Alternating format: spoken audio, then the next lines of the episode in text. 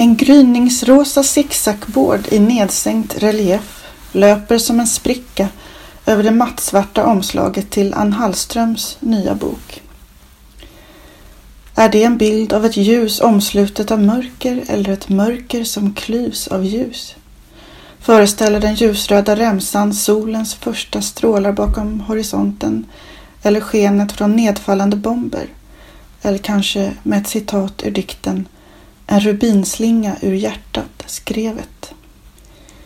Enet är Hallströms femte diktsamling sedan debuten 2000 och den första hos Leid efter en lucka på några år sedan 2012 då Bror, mor, dotter Rekviem utkom på det tidigare förlaget Wahlström och Widstrand. Hon är inte ensam poet i samtiden om att lämna ett stort kommersiellt förlag för ett mindre. Det är tvärtom en stadig tendens att den kvalitativa utgivningen av både svensk och översatt poesi alltmer bärs upp av småförlagen. Ändå framstår det som en smula märkligt och lite sorgligt att det anrika Wahlström och Widstrand, fastän det numera är en imprint under Albert Bonniers, valt att avsluta ett mångårigt samarbete med en poet så stark i sin konstnärliga integritet som Hallström. Den nya boken läser jag som både en fortsättning på och en utveckling av det tidigare författarskapet, vilket till stor del vilar på ett slags smärtans och passionens estetik. Men alltid inklusive ett visst mått av ironisk distans, liksom hos föregångare som Anne Sexton, Sylvia Plath och Marguerite Duras. De undergångsstämningar som varje levande människa i vår tid på ett eller annat sätt tvingas konfrontera och behandla inom sig ligger som en dov grundton i samlingens bottenregister. Tätt åtföljda av en fråga om kärlekens, livets och konstens möjlighet. Tematiskt har texten en systerbok i Hanna Linné Rengfors mycket fina debut från tidigare i år, Närhetsprincipen, där liknande frågeställningar silas genom föräldraskapets lins. Närhetsprincipen innebär, skriver Rengfors i enlighet med den journalistiskt vedertagna definitionen, att vi bryr oss mer om det vi upplever som nära, geografiskt, kulturellt, historiskt, socialt och emotionellt. Men att öppna sig för kärlek, att hålla och skydda något nära, något skört och kärt, ett barn, en dikt, om så bara tanken på detta avhållna, är hos Rengfors och Hallström med nödvändighet också att öppna sig för världen. Och som det uttrycks i enet, citat, det som var, det som har hänt, det som händer, det som sällan händer, det som händer dagligen, om än inte just här, just mig, just nu. Slutcitat.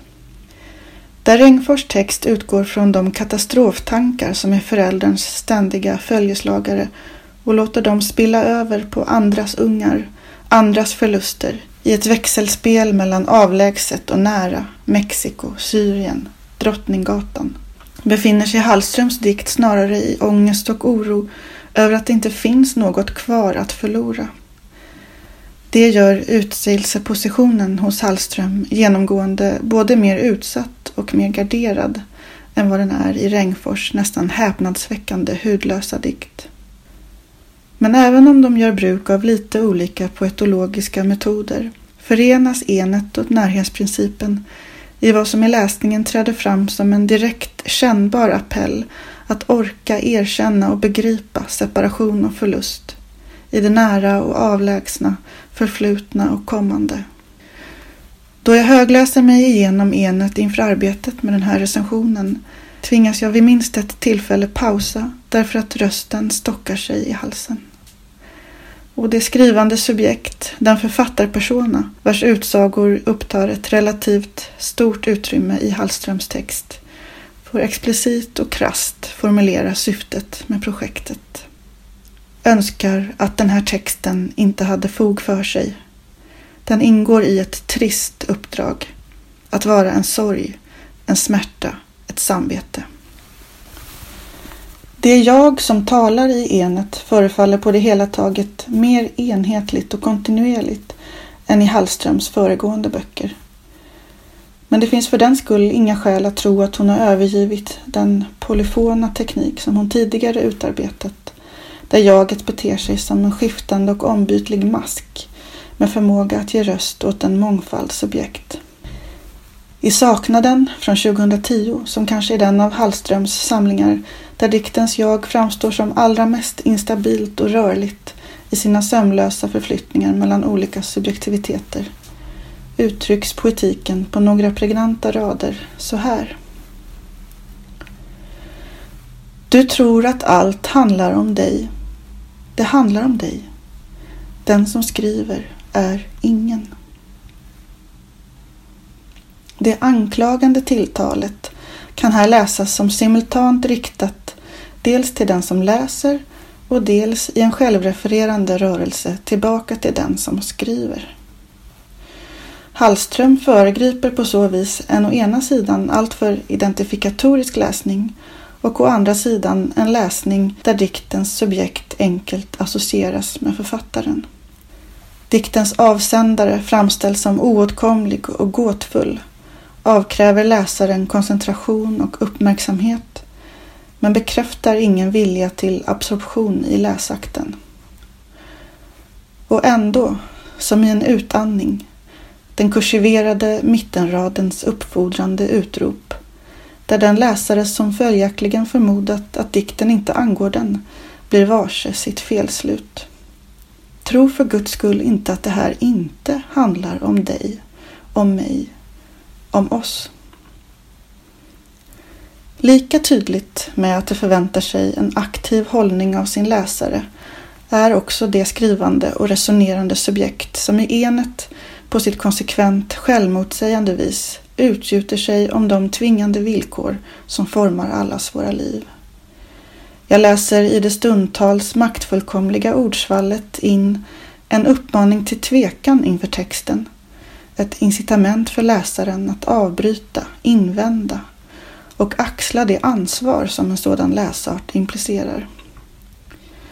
Det vill säga ansvaret att erkänna sin egen agens, inte bara i relation till diktens meningsproduktion utan också i relation till det skrivande subjektets konstitution. Det är åtminstone så jag vill beskriva den effekt som den här diktsamlingen skapar i mig som läsare när jag kastas mellan ytterligheterna hos diktjagets utsagor. Mellan smärtans djup och plakatets plattityder. Genom bildrikt suggestiva flöden och rakt konstaterande satser. Det är med en blandad känsla av förundran, förlägenhet och lättnad som jag följer med i subjektets resignifieringsprocess även de stunder då det tycks vilja stöta mig ut ur dikten. Citat. Vad kan jag annars göra? Mer än att vara kung här. Mer än att vara en ung drottning, en gammal gumma, en hagga, en slägga, ett slagg, en slampa, en utsliten trött kliché i mitt eget lilla skituniversum. Om det inte passar, stick härifrån för i helvete. Slutcitat. Bokens övergripande komposition imiterar en musikalisk struktur av den typ där ett och samma tema upprepas med variation. Samlingens fem avdelningar är disponerade så att tre längre sviter varvas växelvis med två till sidantalet betydligt kortare inpass. I den första och längsta, Ur skymningars schatull, är tilltalet desillusionerat innerligt och dikterna har en klassisk radbruten friversform. Utsagor av typen tänker på och drömmer att signalerar intimitet och bekännelse. Talar om en stark inre smärta och sorg över det olevbara livet men uttrycker och förhandlar typiskt också med möjligheten till motstånd i en uppriktig grannsakan av vad konsten förmår och inte. Den efterföljande avdelningen består av en enda lång dikt av semantiskt hopmixade, lätt förvridna satser framdrivna av en stadig rytm och en uppbrutet auktoritär rösts imperativa tal. Den har fått titeln De sina, intermezzo, amulett för orkester och ska kanske läsas delvis just som ett mellanspel, en övergång till nästa längre svit. Men den är också ett manifest och en handbok i överlevnad. ett gestaltat exempel på hur motstånd kan göras som ett sorgarbete. Av hängiven lättja, ältande vanmakt och en omedgörlig vägran att svara på allsköns välmenta uppmaningar om självhjälp och medveten närvaro. Citat. Glöm det jag sa. Gå in i sorgen om du orkar. Du orkar ändå inte. Men om du förstår, gå in. Utom sig, gå ut. Stanna där, bli kvar. Stäng inte av, öppna. Öppna upp för en sista suck. Odla sjukdomen som en ädelsten, en pärla som överröstar renheten, lämnar ett hav krälande i sanden som skyarnas gnistrande jakt på sig själva. Stackvisa nervknippen markera slaget och så gång. Slut citat. Den virtuosa tredje sviten betitlad De oheliga oxblodsfläckar olydelser utom tid och den direkt därpå följande epilogen efter som i ett album läser jag som samlingens nav. Texten formerar sig här i ett kompakt men efterhand uppsprickande prosatäcke och löper i en medvetande ström på det sömlöst flytande vis som tidigare beskrivits. Genom författarsubjektets monologiska metadiskussion om skrivandets och konstens etik och vidare in och ut ur drömda eller verkliga minnen av andra tider, andra krig, in i andra subjekt. Fragment av sexuellt våld, fattigdom, svält, förruttnelse, förtryckande strukturer, psykiska sammanbrott och en historiskt mycket specifik krigsförbrytelse vävs samman till ett tungt och hårt textflöde allt medan texten fortsätter att berätta om sig själv, vad den är och vill åstadkomma och varför den vill vara i allt detta mörker. Det må vara en romantisk föreställning att människan förblir mänsklig endast genom att bevara en rest av natten inom sig. Och kanske är det också med en sorts romantisk ironi som Hallström behandlar såväl diktens nattsida som den upplysta utsida den tar spjärn mot. Men att hon genom sitt författarskap upprättar en skrivandets moral som insisterar på att uppehålla sig i mörkret och dess inbegrepp läser jag ändå otvetydigt som ett svar på de av förnuftet påbjudna förträngningsmekanismer som avhumaniserar det som inte hör detta ljusa yttre landskap till. Det blir vad som återstår. Den enda uthärdliga strategin i en värld där mycket av det människan åstadkommer är och förblir en mardröm, som Hallström skriver. En provkarta av onämnbara mänskliga umbäranden och missdåd. Och med Hallström igen, detta trots många goda uppsåt. I en sån strategi ingår således att omskriva krigen, morden och de mest brutala förbrytelserna. Men också att inreda en fristad i det nattliga rum där drömmens och poesins språk tillåts tala om sorgens och kärlekens oförnuft. Och nu, vid sidan av detta mörkerseende, är det nya som enet som helhet betraktad tillför författarskapet en samtidig, försiktig vändning mot dagen, morgonen och solljuset. Det är nog just en samtidighet det är fråga om och snarare en dialektisk sån än en ambivalent. Dikten löper som i parallella sömmar. Tråcklade med skälk eller efterstygn. In och ut ur sken och skugga. De talrika förekomsterna av ord och bilder för ljus och mörker turneras och dubbleras och ordnas i mörkerljus-mörka kluster så att deras betydelser och respektive konnotationer av gott och ont sätts i spinn och omförhandlas. Morgonen siar om missgärningar. Blinda skuggor sveper i gassen. Kan en dikt på ena sidan av ett uppslag i djup misstro öppna för att följas av en dikt på motställd sida som i sitt milt bedjande anslag ger uttryck för ett nymornat, osminkat hopp. Citat.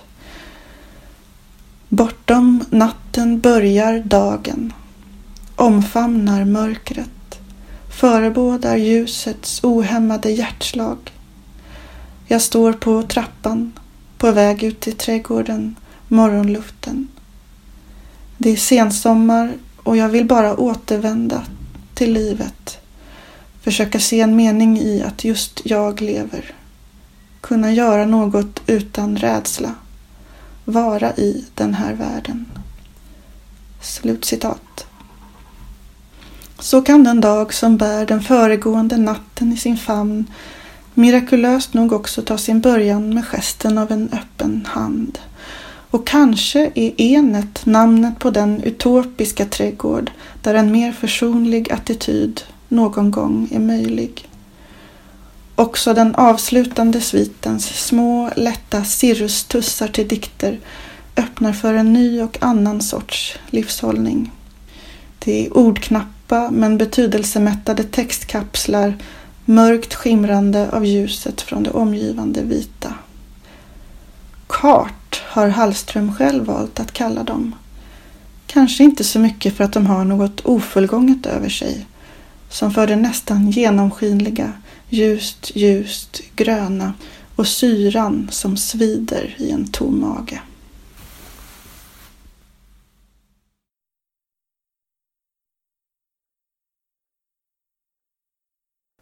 Den här recensionen är originalpublicerad på www.ornenochkrakan.se under ansvarigt utgivarskap.